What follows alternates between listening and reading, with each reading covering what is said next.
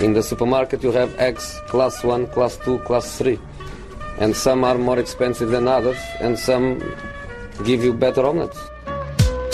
That's the wrong information. Wrong, wrong, wrong information. I didn't say that. That's the wrong information. Do you think I'm an idiot? Wrong, wrong, wrong information. Now look at me when I talk to you. Your job is to tell the truth. Ja men då hälsar vi välkomna till Sillypodden.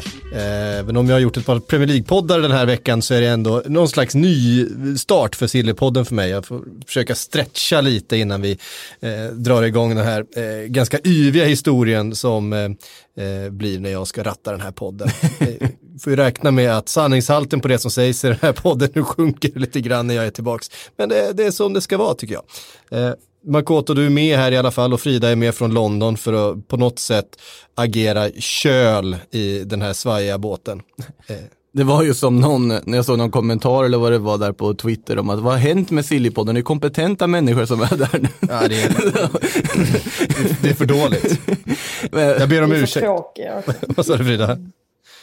Vi är för tråkiga kanske också. Vi är för seriösa. Vi måste lätta upp lite. Eller vad man Precis, vi måste svinga lite. Det är ju det. Herregud. Eh, vad var det? Messi till The Irish Times var det ju som hade någon, någon riktigt eh, skön lirare till sommarvikarie någon gång som eh, täckte en, en baksida tror jag med egna uppgifter på att Messi var på väg till Manchester United. Eh, den minns jag eh, att vi drog hårt på.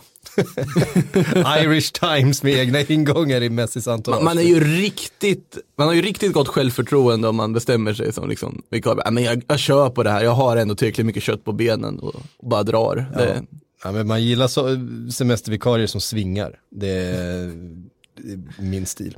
Ha, eh, hörde ni, vi måste ju börja i Newcastle därför att eh, det som vi har väntat på då skulle bli nästa, nästa stora sportswashing-projekt egentligen.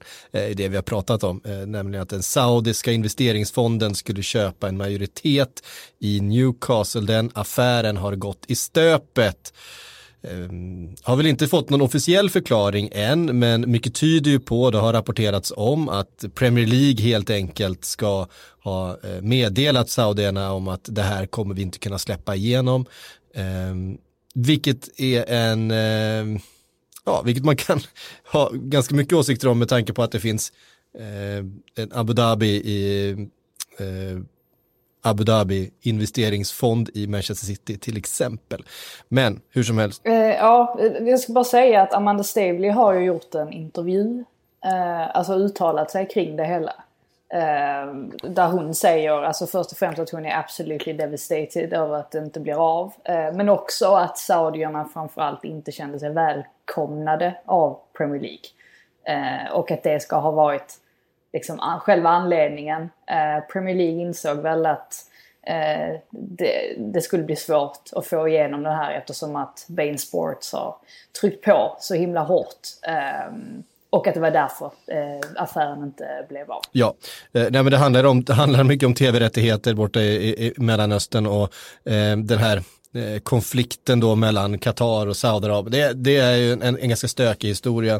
Eh, men också tror jag att, att själva he, hela investeringen eh, har ju blivit mer oklar i, i och med eh, liksom covid-19, eh, fotbollens liksom, eh, närmsta framtid och, och vad som kommer hända. Jag tror att eh, det är väl ingen brådska egentligen för Saudiarabien att, att gå in i det här projektet just nu. Jag tror också att man kommer försöka göra ett nytt försök eh, när eh, Premier League-skeppet har stabiliserats lite grann. Eh, det skulle inte förvåna mig heller. Alltså det intressanta är ju att Stavely säger i eh, den här intervjun då som är gjord med The Athletic tror jag det var. Ehm, där hon säger rätt ut att the Premier League wanted the country to become a director of the football club. Alltså att Saudiarabien skulle bli, liksom, skulle styra klubben. Eh, och så säger hon that's what this is about. Ehm, så att det, ja, jag vet inte, det, det kommer bli intressant när man får veta eh, alltså fler detaljer Eh, kring allt det här. För att det verkar vara en, en jäkla soppa. Ja, alltså det, det, det är också sådär, hon talar ju i egen sak också så att man måste vara man måste ta hennes uttalanden med, med en viss nypa salt, man måste ta pressmeddelandet från de saudiska investerarna med en viss nypa salt. Och man kommer också behöva ta Premier Leagues uttalanden. För att alla, alla kommer ju försöka se över sin egen eh, rygg i den här kommunikationen. Och det är väl en, en kombination av olika saker. Men hur som helst är det ju att Newcastle blir kvar med Mike Ashley ett tag Ja, men de, till. de blir kvar, det är det som blir liksom kontentan av det. Alltså, rätta mig om jag har fel, men Stavely har varit inne tidigare och försökt köpa Newcastle i andra former än att eh, göra det via liksom, det saudiska kungahuset. Ja, hon, hon, eh, hon stänger dörren i princip. Ehm, ja, hon säger i och för sig liksom att, att hon inte vet men att eh, nu, alltså det här var liksom enda, enda chansen mm. enligt henne eh, till att det skulle bli av då. Eh, vi, vi, vi, är, ni, Vi- är ni upprörda? Eh, nej, vi, jag ska säga, vi, vi har lite shaky telefonlina med, med Fri- Frida ut nu så vi, Ja, okej. vi, vi tappar ett ord här och var, så vi lyssnar färdigt och ser ifall det kommer någonting mer.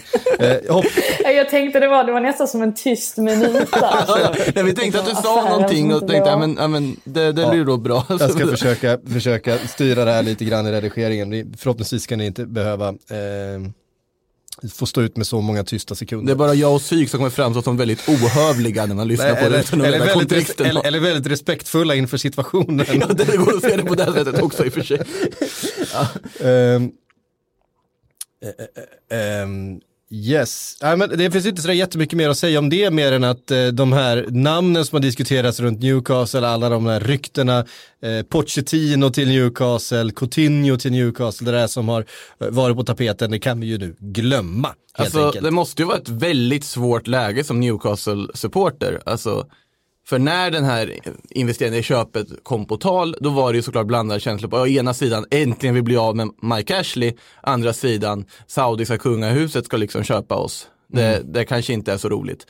Eh, nu blir det ju också ett läge Men, där... men, men sportsligt så kommer det bli liksom en helt ny resa och det kommer bli en vandring upp och vi kommer bli nästa Manchester City och få liksom stora Europakvällar. Alltså, Ja, fattar- förutsatt att man vill det. Ja, på men- det här sättet. Och det är, det är ju blandade känslor. Man förstår ju de som vill det och man förstår de som inte vill det. Och i det här fallet blir det ju ett, ja, vi slapp det här, vi slapp sportswashingen, men vi slipper inte Mike Ashley, vad det verkar, än, ännu en gång. Så att eh, han kommer ju sitta där i, han kommer aldrig försvinna. Ju, Nej, nej, det tror jag, det, det tror jag många Newcastle-supportrar har liksom förlikats med. att Vi kommer aldrig bli, bli av med Mike Ashley. Eh, och eh, han är ju, han är ju en, eh, en oskön person på väldigt många sätt, men han, jag vet inte hur mycket mänskliga rättigheter han har brutit mot genom. Så att det, det, det finns, det finns eh, gott, gott om eh, eh, kommentarer och, och gott om noteringar i båda plus och minuskonton här. pros and cons finns Ja, det. eh, absolut. Så. Men eh, nu fick vi i alla fall ett slut på de här spekulationerna. Eh, och jag tror, jag tror faktiskt att många i Newcastle är väldigt besvikna. Eh, eller jag är helt, helt övertygad om att man är väldigt besviken på eh, många håll. Eventuellt att man kan se Alltså, bara vi blir av med Mike Ashley så kan vi ta oss härifrån och så kanske det händer någonting vidare. Ja. Så. Men så blir det, nu får man istället hoppas att typ eh, Joey Linton börjar göra mål igen istället för att eh, tro att vi ska eh, värva några superstjärnor i, ifrån eh, Europas Stevie. Bruce at the wheel blir det. Det kommer det vara. Steve Bruce lär väl bli kvar nu Frida? Ja, nej men man får väl anta det. Han hade väl säkert, eh, han hade inte blivit kvar så länge. Eh, men jag, alltså om de här saudierna hade tagit över klubben. Men eh, det verkade ju ändå som att de skulle liksom försöka visa honom någon form av respekt och liksom inte sparka honom dagen efter att eh, liksom övertagandet gick igenom. Eh, men nu så, eh, ja man antar väl att han får köra vidare och det förtjänar han ju faktiskt med Absolut, tanke på vad det gör han har, vad han har Ja gjort. men verkligen. Så. Och eh, ja, vi får helt enkelt se vad, vad Newcastle gör utav det här framöver. Någonstans behöver ju eh, Mike Ashley också se över sin eh, klubb och eh, sin investering. som- Det har man ju sagt förr. Ja, eh, så att de behöver ju lösa ett nytt kontrakt i alla fall, då är han nöjd. Vi går vidare därifrån då. Eh, Manchester City på jakt efter backar, det är väl inte så eh, konstigt att förstå efter den här säsongen. Det var väl framförallt i backlinjen som eh, saker och ting inte ha, riktigt har fungerat.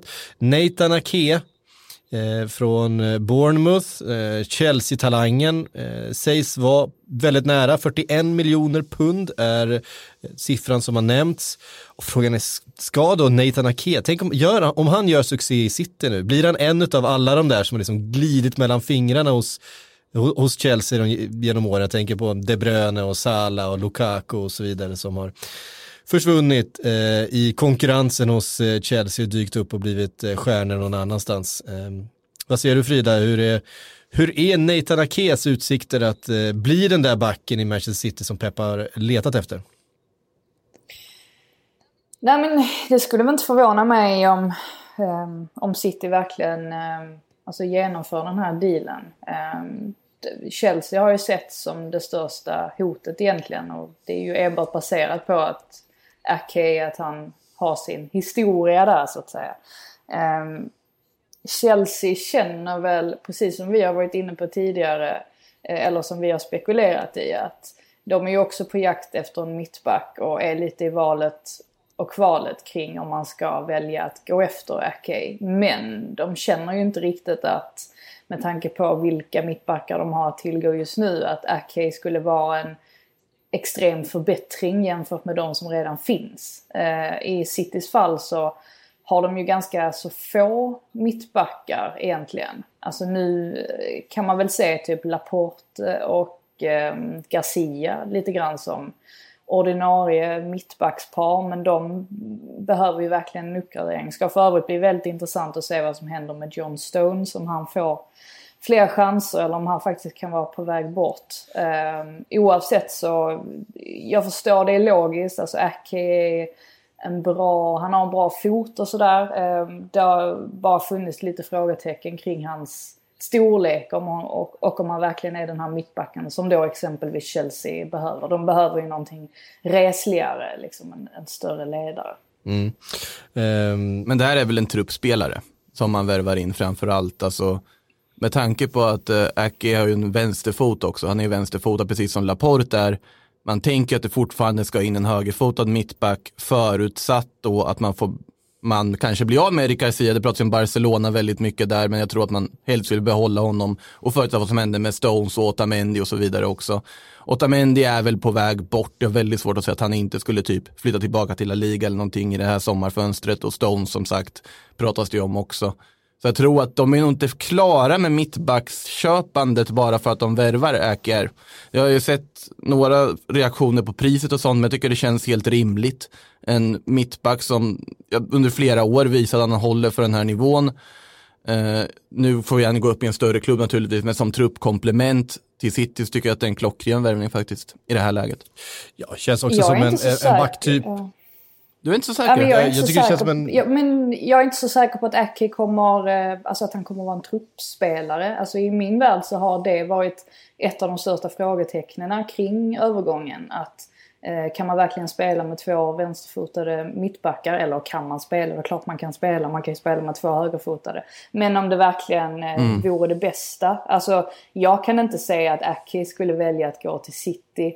Eh, och, och sen liksom hamna bakom Erik Garcia. Eh, det har jag väldigt svårt att tro. Alltså så pass bra är han. Eh, och så, så pass stor summa kommer det handla om. Så att ehm, jag tror att eh, ska han gå dit då vill han se till att han är liksom första, första val eller ja, ja, i alla fall att han får spela mycket. Mm. Jag tror också att, eh, menar, att spela för, för City tror jag kommer passa Nathan Ake mer. Han har ju gjort det jättebra i Bournemouth, men det, är- det är ett lag som vill spela mycket boll, vill spela sig ur situationer, vill, vill rulla boll, men som ju hamnar eh, väldigt långt nedtryckta oftast mot eh, många utav lagen i ligan och får försvara på ett annat sätt.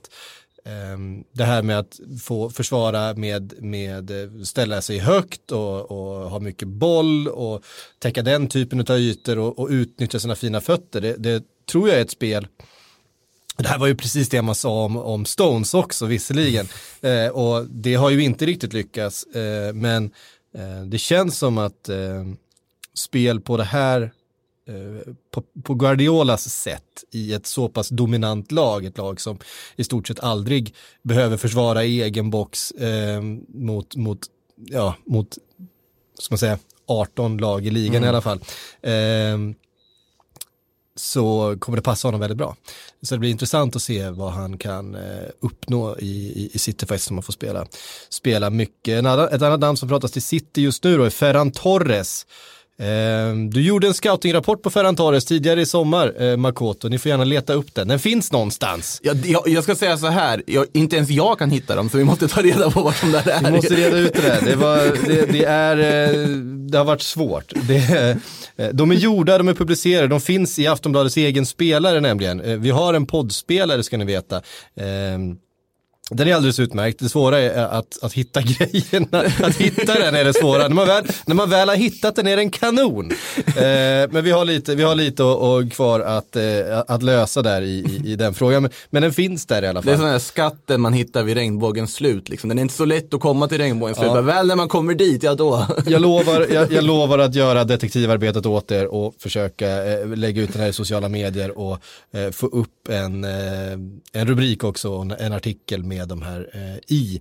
Eh, snart kommer det också dyka upp en sektion där man enkelt kan gå in och bläddra bland våra poddar och lyssna på både exklusiva grejer men också de här vanliga avsnitten. Allt det där kommer finnas i Aftonbladets egen app om inte allt för länge.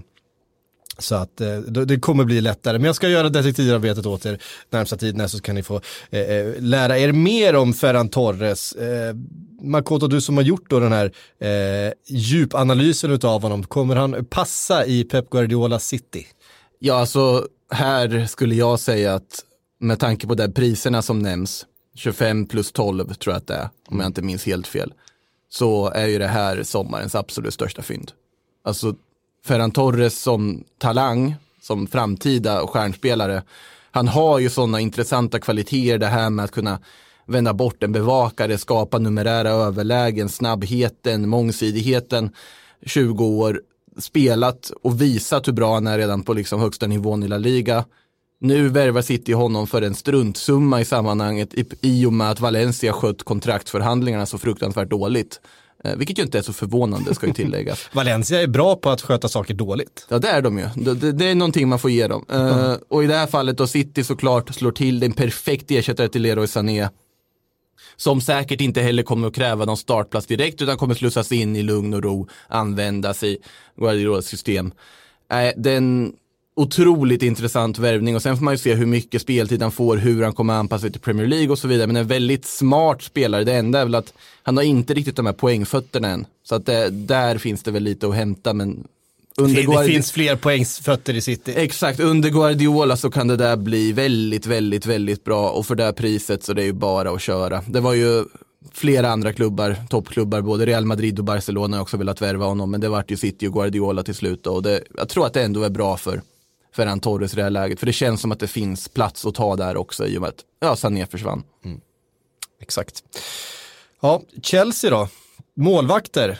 De kan ju inte liksom spela en hel säsong till med Kepa. Det har Det ju... har vi ju diskuterat mycket dock, huruvida de kan det eller inte. Ja. Eh, och jag vet inte, jag är väl fortfarande av anledningen, vilket jag sagt flera gånger här och fått påpekat att, att jag tycker man ska ha tålamod och ge honom åtminstone en höst till. Eh, men beroende på vilket försvar du sätter framför honom. Men samtidigt så verkar det ju nu mer och mer som att han kommer inte få den där hösten. Utan nu tittar man ju ändå på att ja, ersätta honom på ett eller annat sätt. Han kom ju sist i både antalet räddningar och i, i räddningsprocent i hela ligan. Eh, och det är två, det, det, det, det är en sak om man har lägst räddningsprocent eh, men gjort jättemycket räddningar. Och Det liksom tyder på ett, ett svagt försvar och så vidare. Men det, att vara sist i båda de två statistikerna, det, det är inte bra. Nej, nej, statistiken är fruktansvärd. Det var en 21 i en liga med 20 lag. Så det är någon reservkeeper som varit bättre än vad han är. Så det, det är ju inte så jättebra kanske. Nej. Ehm, det kom uppgifter om att Chelsea ska ha lagt ett bud på Ter Stegen och då, eh, nu, nu, nu kör vi. Nu kör vi. Nu, nu kör vi. Ja, det, det, det blir ju ännu dyrare än Kepa i sådana fall för att Kepa är ju världens dyraste målvakt i, i dagsläget och Ter Stegen blir inte billig om de ska eh, lyckas lösa honom. Eh, Jag tror uppgiften om Henderson eh, känns mer rimliga eh, faktiskt. Eh, Ja. Frågan är om Manchester United eh, kan tänka sig att släppa honom till, till Chelsea i ett sånt här läge. Det kan bli dyrt det också i sådana fall.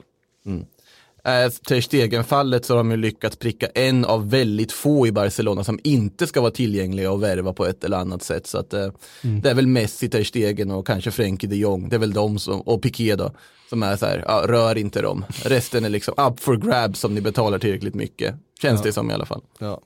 Frida, har du hört något annat om eh, Chelseas målvaktsjakt? Nej, men jag blir mer och mer övertygad om att han eh, troligtvis har gjort sin sista match. Ehm, ja, jag tror att alltså, får de bara chansen så är Chelsea villiga att förlora ganska mycket pengar. Det kommer de att göra oavsett. Ehm, men att de är villiga att göra det för att få in en ny. Det gäller ju bara som sagt att man får in någon som är en uppenbar eh, alltså improvement, förbättring. Ehm, så att Nej, jag, jag, jag, jag, tror, jag tycker också att det indikerar, jag vet att vi har pratat tidigare under säsongen om att man kanske borde ge Kepa fler chanser och sådär men det blev ganska tydligt när Lampard petade honom i, i sista matchen där att då, då tror jag inte att framtidsutsikterna är, är speciellt ljusa för honom där. Nej, eh, och han, han, han har ju varit petad i, i omgångar och han har ju inte lyckats hitta tillbaks till någon form eh, egentligen alls utan det, det har sett precis lika svajigt ut eh, hela vägen. Även om jag tyckte han inledde ganska, ganska lovande ändå i Chelsea med en del eh, matchavgörande räddningar men också en del misstag såklart. Men det är lätt att sitta här och vara efterklok, men det fanns naturligtvis en väldigt stor mått av desperation när man gjorde den värvningen. Ja, Med tanke på att ja, men du pungar ut den utköpsklausulen i ett läge där Real Madrid fick ett bud på var det 20-25 miljoner accepterat ett halvår tidigare. Som då Zidane vetog bort att jag vill inte ha Kepa.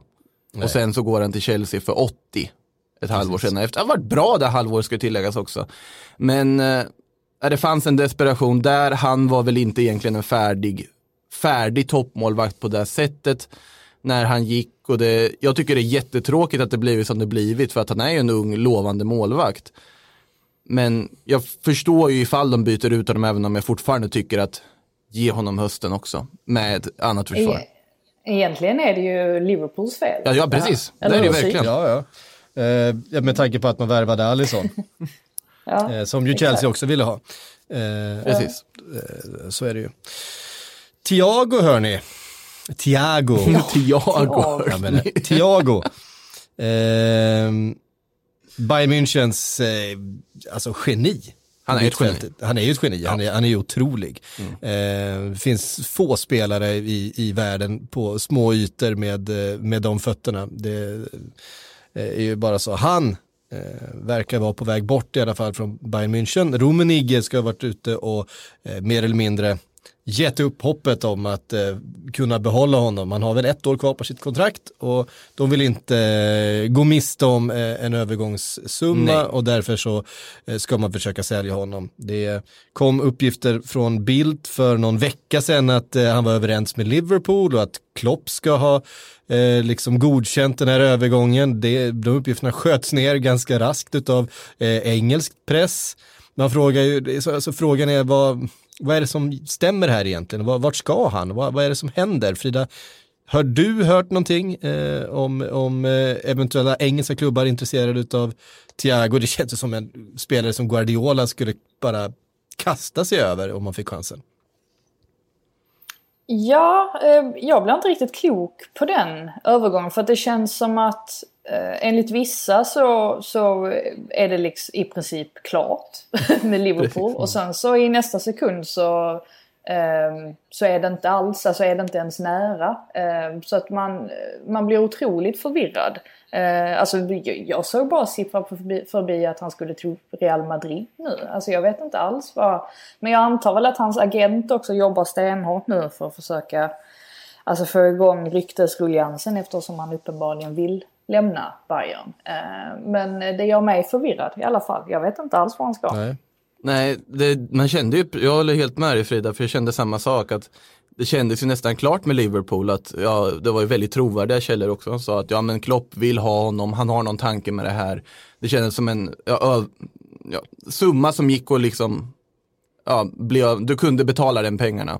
Nu tappar jag helt ord och grejer mm. också, intressant. Eh, men eh, det jag har läst i alla fall har ju också att göra med att då, då ska de inte vara överens om summan heller. Liverpool har budat mycket mindre än vad Bayern vill ha och så vidare. Att det finns ju sådana aspekter i det. Real-delen som dök upp är väl att han blev erbjuden till Real Madrid. Sen har jag svårt att se att Real Madrid skulle lägga de pengarna på honom. På en Ja, Barca-produkt. det är just det jag menar med att det känns som en agent. Exakt. Alltså Ja. att de liksom, ja, och Bayern säkert också eftersom att de vill ju få så mycket betalt som möjligt såklart Mm. för honom. Så att, eh, att det liksom pågår något sorts eh, spel här. Mm. Eh, att man försöker pressa upp eh, priset.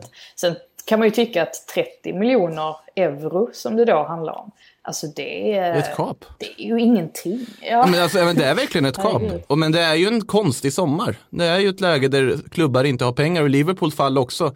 När Timo Werner-förhandlingarna, den summan som Timo Werner gick för hade varit solklar för ett år sedan. Liverpool hade ju absolut betalat den då också. Men nu är det så att det, det är en för riskabel investering. I Thiago är också, du har inget återförsäljningsvärde på honom. Han har ändå närmat sig 30-strecket. Han kommer inte öka i värde med åren som kommer. Utan då värvar ju för att han ska leverera på plan här och nu. Ja, det är lite det. jag- Det känns som jag tjatat om det också hela sommaren. Men just det där att han passar inte in i profilen. I Liverpools profil.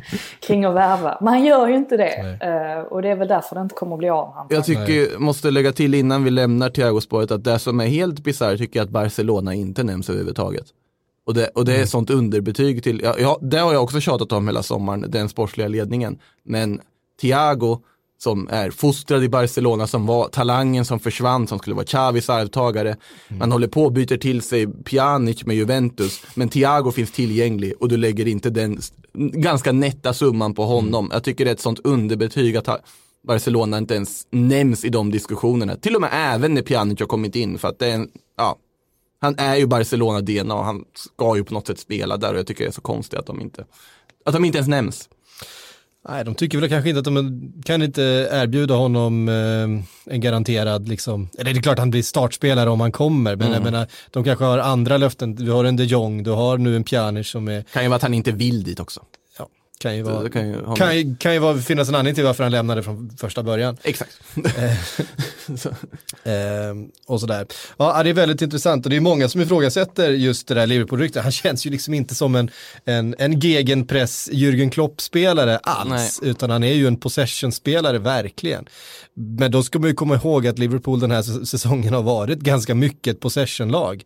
Eh, inte alls liksom det där ligga lågt, knacka långt, eh, gå på omställningar i all så hög utsträckning som man har varit tidigare år, utan eh, och vi vet också att Klopp har laborerat ganska mycket med en 4-2-3-1 uppställning som man inte riktigt har fått till än, men som är en, eh, en mycket mer possession Mm. orienterad filosofi och Pep Linders som har kommit in då istället för Bovac som var eh, tidigare, han har liksom en annan fotbollsfilosofi där, som är mer possession-baserad.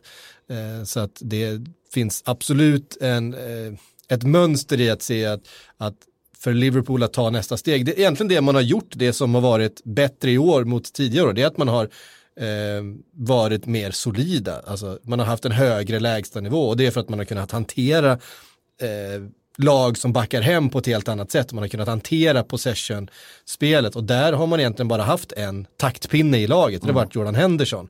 Och det är när han har spelat som det possession-spelet har funkat. Det är han som har kunnat styra spelet, eh, cirkulera bollen på mittfältet, se till att man aldrig tappar den, att den hela tiden är, kvar. Man kan liksom avlasta på honom, skyffla in bollen på mitten på Jordan så, så kommer den. Eh, och där är ju Thiago såklart en, en uppgradering i, i det spelet, att verkligen få in liksom en av Europas bästa taktpinnar eh, på mittfältet, att utveckla den delen av spelet. Så jag ser en, jag ser en, en rent taktisk logik i att, eh, ja men okej, då är det, det det hållet som Liverpool vill utvecklas i.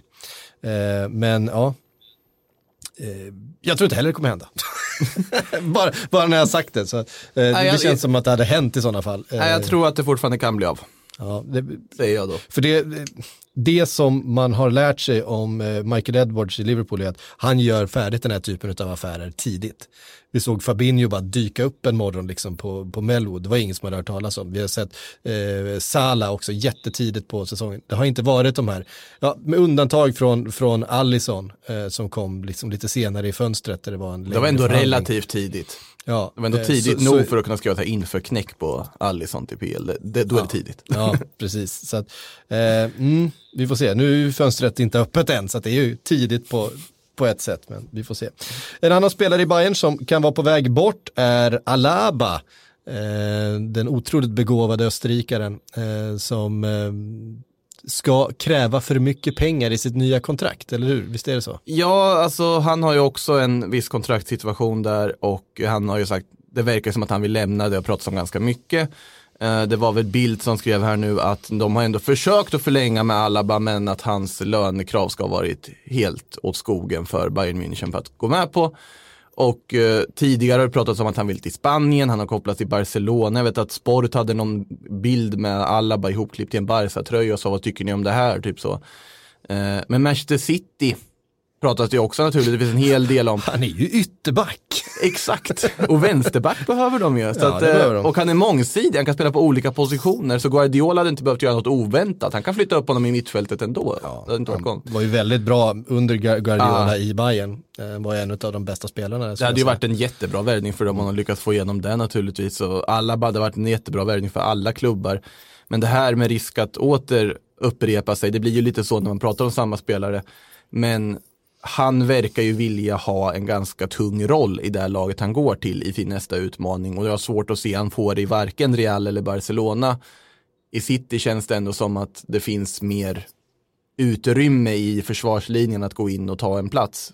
Jag tror inte du petar. Real Madrid kommer inte han spela vänsterback i och i Barcelona så kommer han inte heller göra det framför Jordi Alba. Så att det känns som att City är ett logiskt alternativ. Om man nu inte är helt inställd på att han vill till Spanien. Men jag tror att det kan ha börjat släppa lite med månaderna har gått också.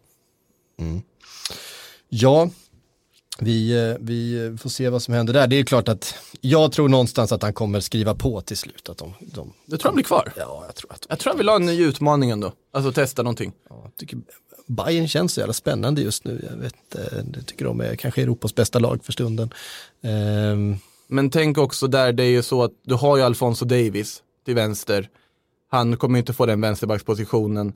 Eh, mittback vill de ju inte spela honom som, jag tror inte han vill göra det själv.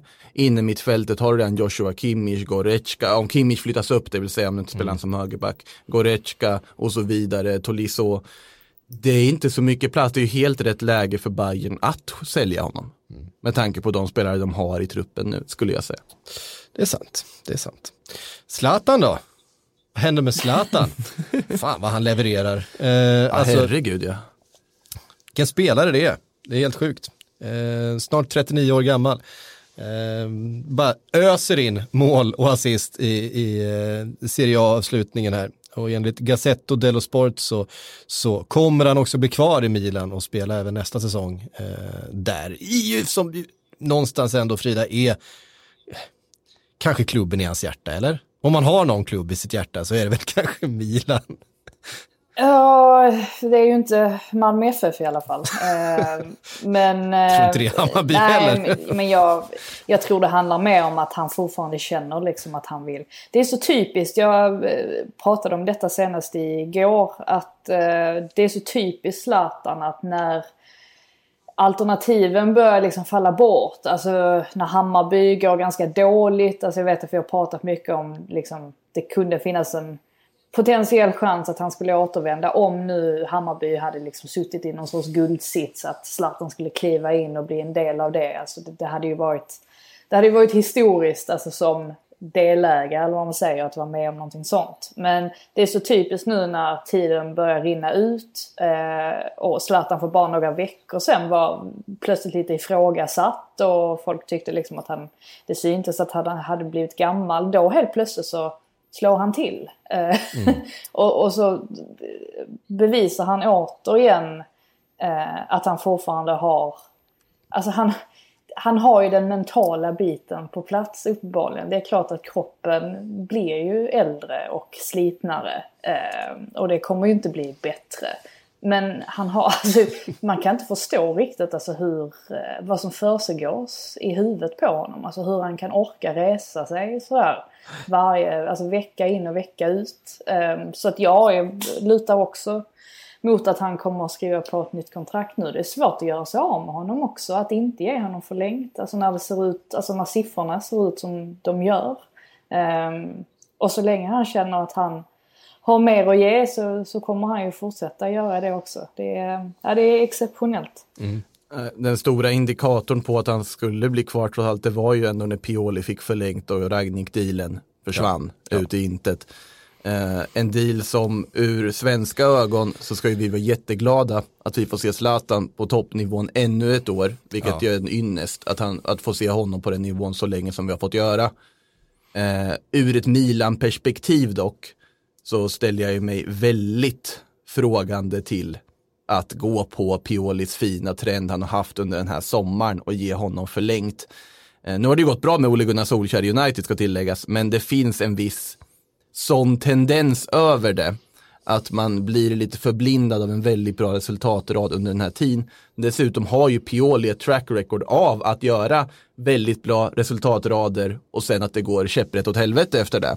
Han är ju en sån tränare som går i någon sorts kluster av vinster under tidigare i sin karriär. Han är ju en duktig tränare, men är han tränaren för att ta Milan till nästa kliv? Jag är väldigt tveksam på det. Och att lägga in Zlatan ett år till, ja det är jättekul för att få se honom, men det känns som att man i princip bara förskjuter en renovation av den truppen som egentligen behövs göras så fort som möjligt för att kunna nå Europa igen och bli den Milan som vi, vi vill alla att Milan ska bli igen. Så att jag har blandade känslor om alltihop även om jag tycker det är jättekul att få fortsätta se Zlatan i Serie A ett år till, vilket det nu verkar bli. Mm. Ehm, ja, alltså han, och sen är han ju bara några mål kvar från att ta sig in topp 10 genom eh, målskyttar i historien. Flest mål i liksom tävlingsmatcher. Ehm, I allmänhet. I allmänhet. Det är helt otroligt. Det är helt otroligt. Det är ju alltså sen han själv började spela fotboll, det är ju bara Messi och Ronaldo som är före honom i, i antalet mål. Alltså officiellt registrerade mål. Ehm, det, är, det är sanslöst att ha en svensk på, på den. Det var någon som, det var, jag tror det var Tancredi som hade gjort en, en uträkning. Ehm, Jag tror att andra har gjort det också, ska vi tillägga. den, den gamla galningen. Eh, eh, som jag delade och det, alltså bara att se en svensk på den listan över, det, det är några brassar, ett par argentinare, men ska veta att han har, ing, han har inte en enda italienare framför sig, han har inte en enda britt framför sig, han har inte en enda holländare framför sig, han har inte en enda spanjor framför sig. Många genom historien. Eh, det är ganska många stora fotbollsländer eh, som eh, inte har någon topp 10 målskytt genom alla tider. Det finns en tysk, såklart, Gert Müller, eh, och sådär som, som eh, ja, han är där uppe bland de, bland de största målskyttarna genom alla tider. Och det- han är typ åtta mål tror jag ifrån nu, när han har gjort några mål på slutet där. Åt, sju eller åtta mål från att ta sig in topp 10. Han är elva nu då. Ehm, och sen ytterligare bara några mål för att ta nionde platsen tror jag. Efter några, ja, snubbar från 30-talet. som jag inte kommer ihåg namnet på. Det är säkert, det, nu är det säkert någon, någon, någon som man borde ha bättre koll på, men jag kommer inte ihåg hur listan ser ut. Skitsamma. Eh, och vi ska gå vidare i körschemat. Eh, nu måste jag scrolla upp lite grann här för att det var, ett, eh, det var ett, mycket frågor. Eh, ja, Raúl Jiménez, hörni.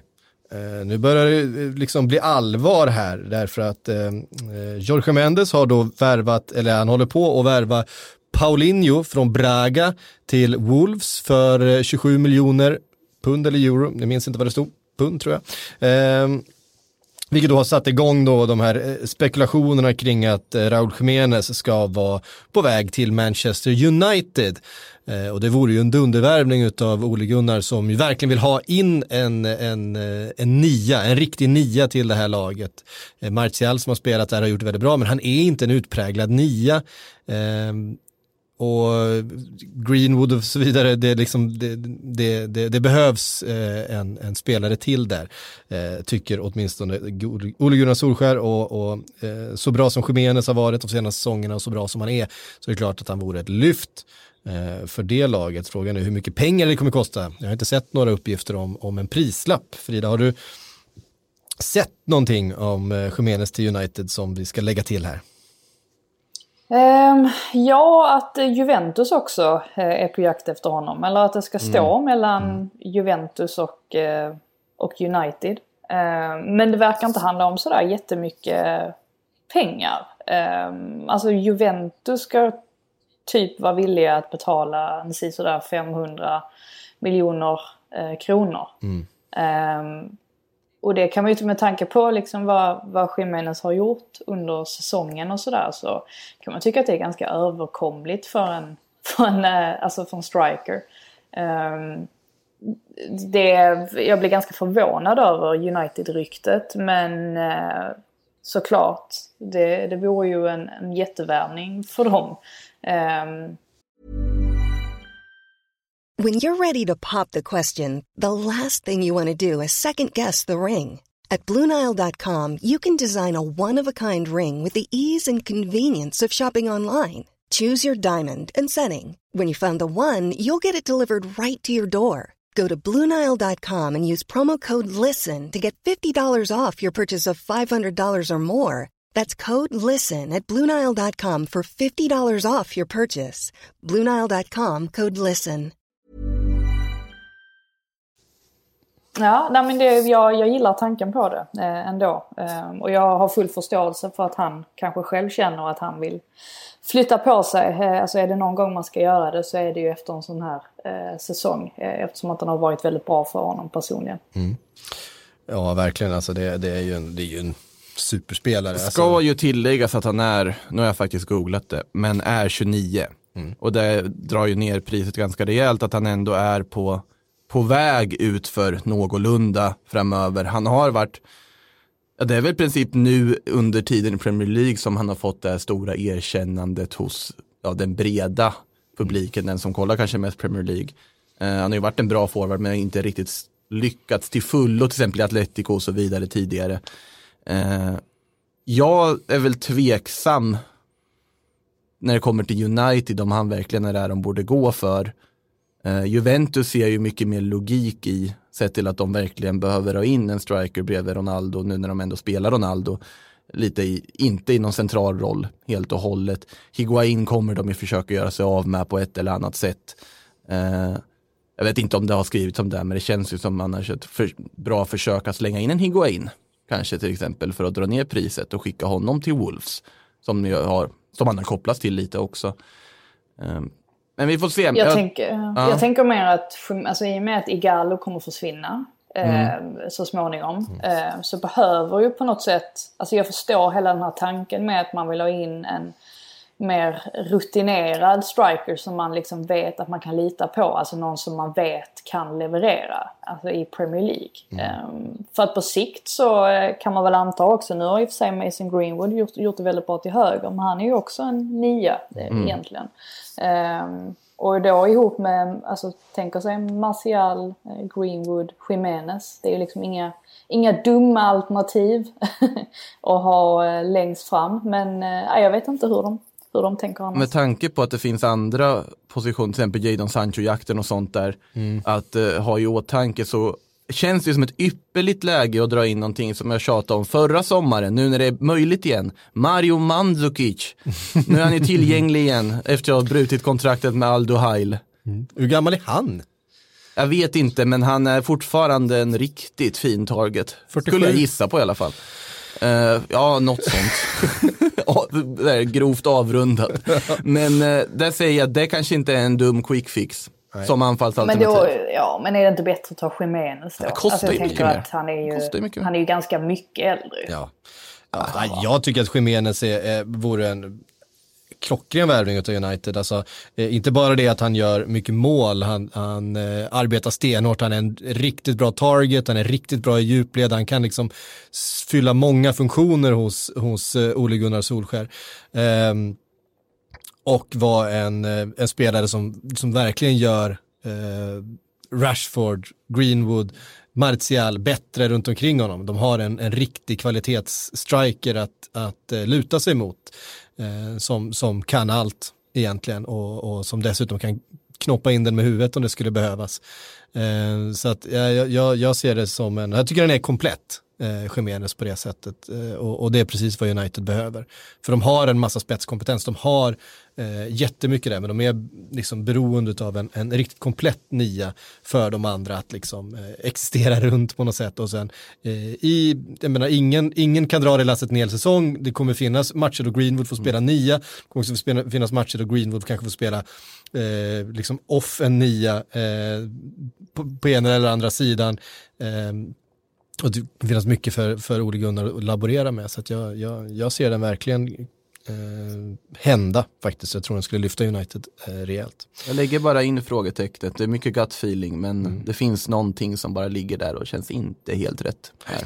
Du nämnde Sancho såklart, det har jagats eh, och snackats om Sancho under hela sommaren. Eh, verkar inte röra sig speciellt mycket framåt. Dortmund har varit ute och sagt att vi ser gärna att han stannar. Eh, frågan är om Sancho själv ser att han stannar en säsong till i Dortmund. Han verkar ju rätt sugen på att lämna. 10 augusti är ju det gyllene datumet där, eller liksom deadline som det pratas om hela tiden att ja, 120 miljoner ska finnas på vårt konto då, annars så blir det inget. Nej. Det är ju det, det, är det ultimatumet Dortmund satt tidigt, enligt flera uppgifter då.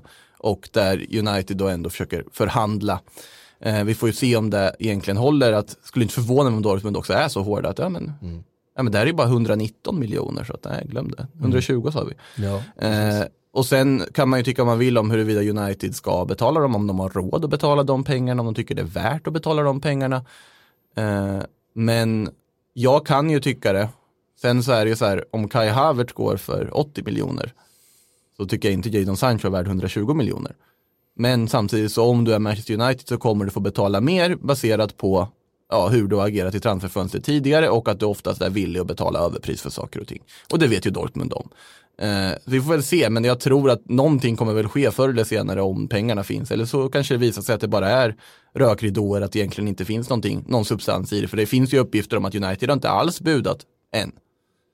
Så det kan ju bli en Bruno Fernandes historia fast förra sommaren, fast i Fast Bruno Fernandes blev ju av till slut då, men under sommaren i alla fall. Att det blev inte så mycket av det till slut ändå. Ja, Jag tycker ju att Dortmund är fullständigt vansinniga om de inte säljer Sancho. Alltså med tanke på vilka pengar det handlar om. Håller med dig. Ehm, Så viktig är han väl ändå inte? Är han verkligen det? Alltså jag, jag bara tänker liksom rent långsiktigt, de som är så duktiga på att eh, alltså ta fram talanger, så det är väl klart att det kommer komma någon annan som kan liksom eh, axla hans roll. Ja, men alltså, tycker de, de Eh, köpte en norrman i, för ett halvår sedan som har, som har börjat ganska bra i Dortmund-tröjan. Eh, så att, jag menar, det, det, det finns massor med talang kvar. Det, det, eh, Otroligt sparkapital i Julian Brandt och Torgan Hazard som vi har varit in förra sommaren också. Som, man såg ju lite av Brandts kvaliteter nu efter uppehållet där han börjar hitta lite mer rätt än man kanske gjorde i början. Det, det är en otroligt duktig spelare. Eh, och jag håller helt med, såklart du ska sälja Sancho om det pratas för de summor det gör. Alltså där upp, närmare 100, när vi pratar 90-100. Sälj i det här läget. kallade du precis honom för Julian Brandt? Heter han inte det? Han måste väl heta Julian Brandt, han är väl tysk? det är liksom, alla är inte spanjorer Makoto. ja, eh, inte, ba, inte bara jag som är lite, lite, har lite slagsida ibland. Eh, Bra, hugg tillbaks nu. Det är helt eh. Brighton Frida, Brighton, kan vi inte prata Brighton? Ja, jättegärna. Ja. Pratar jättegärna. Seagulls. Ja, precis. Seagulls. Eh, gjorde såklart klart med Lalana eh, tidigt här, en, en värvning som jag tycker är kanon verkligen. Eh, får honom på en free transfer. En spelare som kommer verkligen vara var, var hungrig och sugen på det här projektet också. Han känns liksom laddad. Eh, klädde oerhört bra i den där tröjan också. Var- Den är ju snygg, alltså den är ju riktigt snygg den här tröjan ja, ja, det, Ja, man kanske ska ge en liten liksom, background. Alltså, Brighton är ju väldigt, alltså det känns som att allting...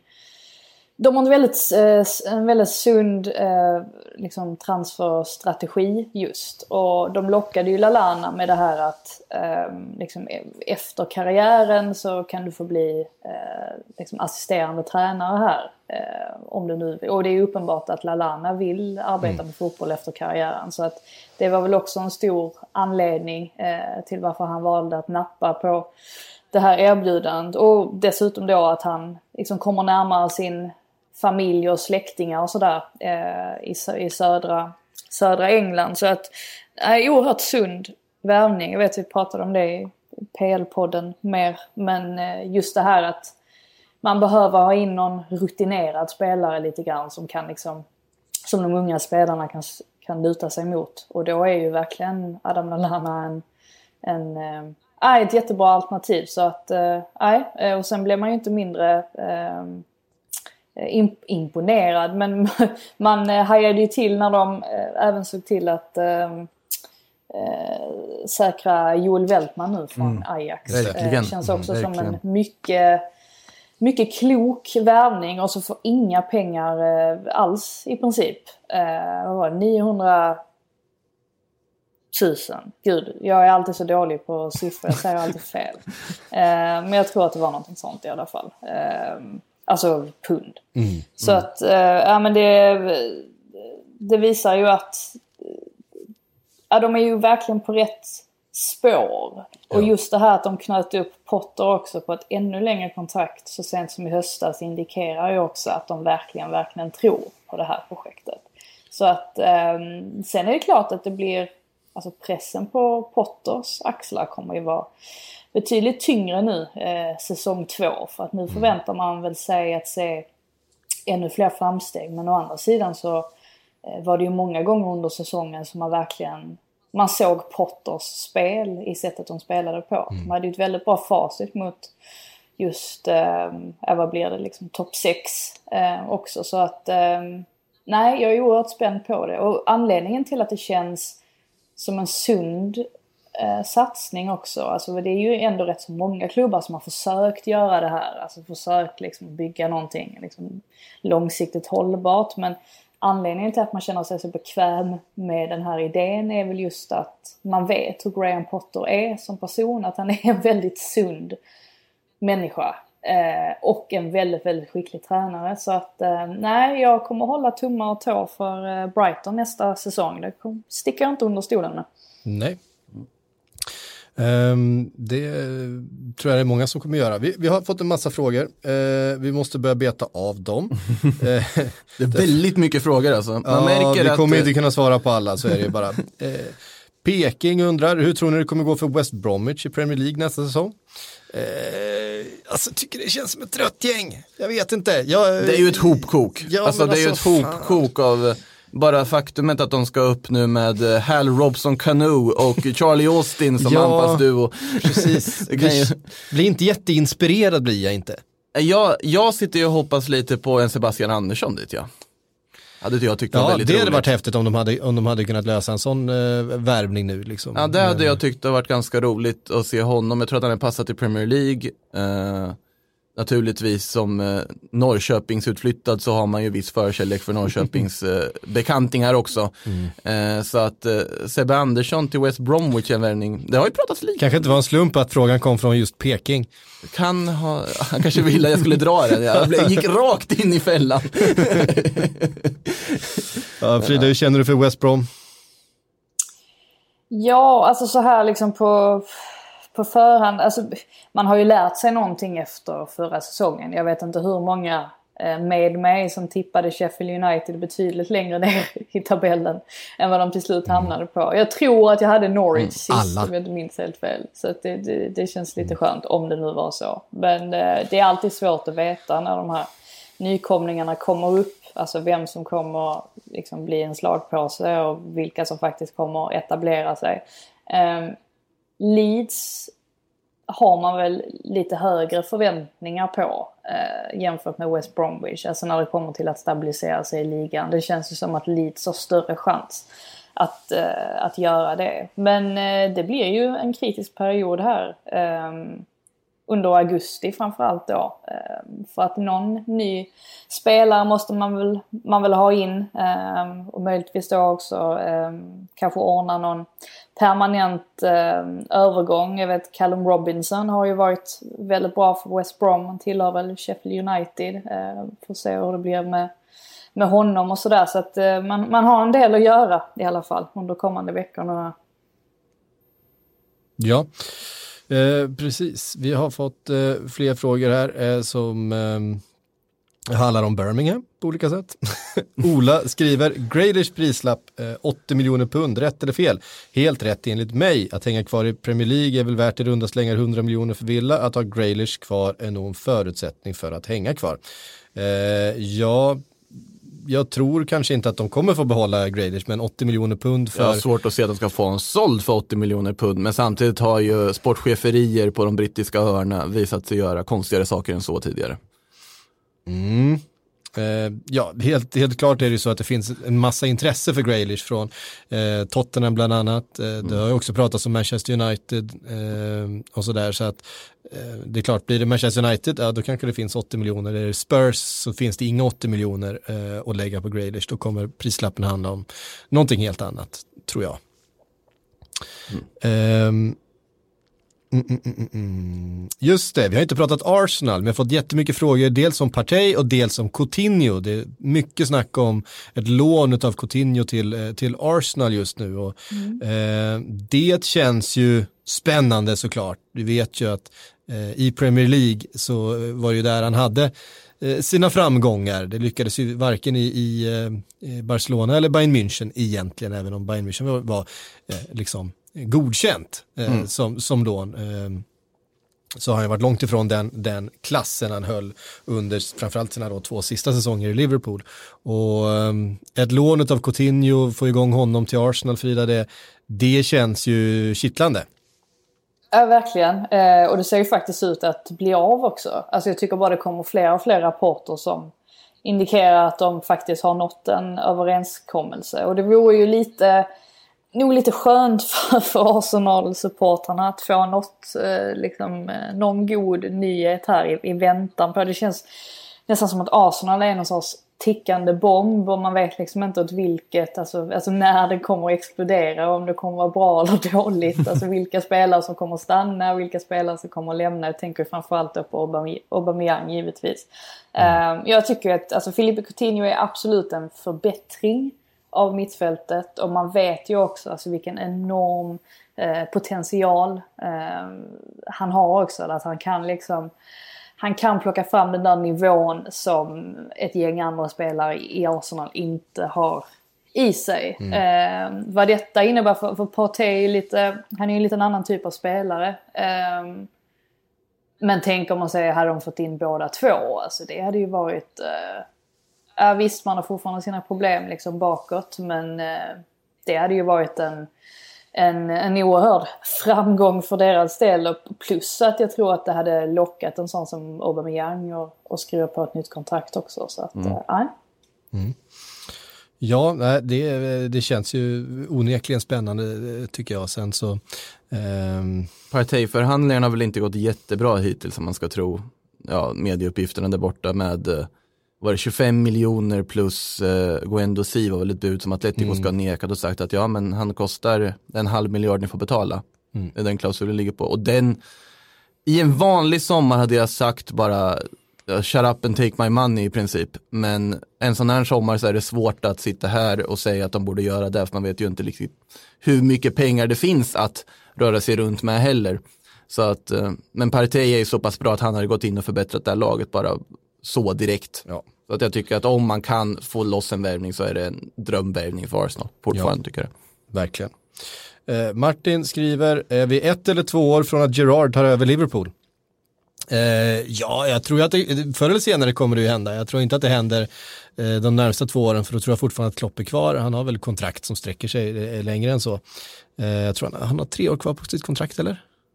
Det här borde ju du veta bättre än vad vi vet. Eh, jag har faktiskt inte koll på hur, hur, hur långt Förlängde hans inte han? Jo, han förlängde Jo. för inte Ja, han. speciellt länge sedan. Jag tror att det sträcker sig till 2024. Någonting sånt. Ja, Alltså, precis. ganska och han, han har ju verkligen haft som, som eh, princip att hedra sina kontrakt. Han har ju suttit sina kontrakt ut både i Mainz och Dortmund tidigare och, och haft den inställningen eh, att det är, om inte någon sparkar mig så sitter jag kvar och gör mitt jobb så länge som eh, uppdraget gäller. Skulle du säga att han är någonting av tränarvärldens Erik Maxim Choupo-Moting? Han går bara gratis. ja, spelar, spelaren som aldrig har liksom, kostat en transfersumma. Nej, ehm, Ja, kanske, kanske stannar jämförelserna där. ja, jag har ingen jämförelse i övrigt tänkte jag säga. Eh, men men eh, ja, det, det är klart att det finns i, i bakhuvudet hos, hos alla hos Liverpool och även hos eh, Gerard. Men jag tror inte att han gör det om han inte själv känner att han är mogen uppgiften. Han är en ganska eh, han, alltså Gerard är inte en, en, en person med hybris direkt. Han är inte den, den personligheten. Han kommer inte eh, ta den rollen om han inte känner att han är, är redo. Han kommer inte chansa att gå in och, och känna att fan nu kör vi, den här chansen får jag bara en gång. Ett för att han kommer få den chansen om han vill även i framtiden. Han är ju ändå Steven Gerrard. Eh, men, men om han känner att han är redo för den uppgiften och eh, Klopps kontrakt har gått ut så tror jag att Gerard är den som kommer ta över efter, efter Klopp. Men det finns ju en aspekt här också att om Klopp skulle lämna så har det ju antingen att göra med att han, att Liverpool har gått dåligt. Alternativt att han ser att det kan börja gå dåligt och ser att de här behöver en sorts förändring. Så länge Liverpool fortsätter vinna titlar och sånt finns ju ingen anledning för honom att vilja lämna. Om det inte är några andra liksom, personliga skäl och sånt. Mm. Att slänga in en av sina största klubbikoner som nästa namn efter det är en otroligt otacksam sits att sätta Steven Gerrard i. Mm. Så jag kan känna att det kommer ju gå upp och ner för en klubb genom åren. Till exempel, titta på när Real plockade in Lopetegi. Mm. Han kastades ju till vargarna mer eller mindre med en trupp som var rent mätt efter alla framgångar och så vidare. Jag tycker att det kan vara otroligt otacksamt att kasta in Gerard direkt efter Klopp. Ta något namn som du, jag kan låta cyniskt, men som du bara kan kasta bort sen. Någon du har mm. råd att kicka efter Klopp. För det finns en risk att det finns en ja, downfall under en period efter Klopp där då. För det kommer inte bara vara dans på rosor hela tiden och då tycker jag att man ska spara Gerardis när du har någonting på gång, inte att ta över direkt efter en så pass framgångsrik tränare som Klopp. Mm. Men det är ju en diskussion för långt fram i tiden. Ändå.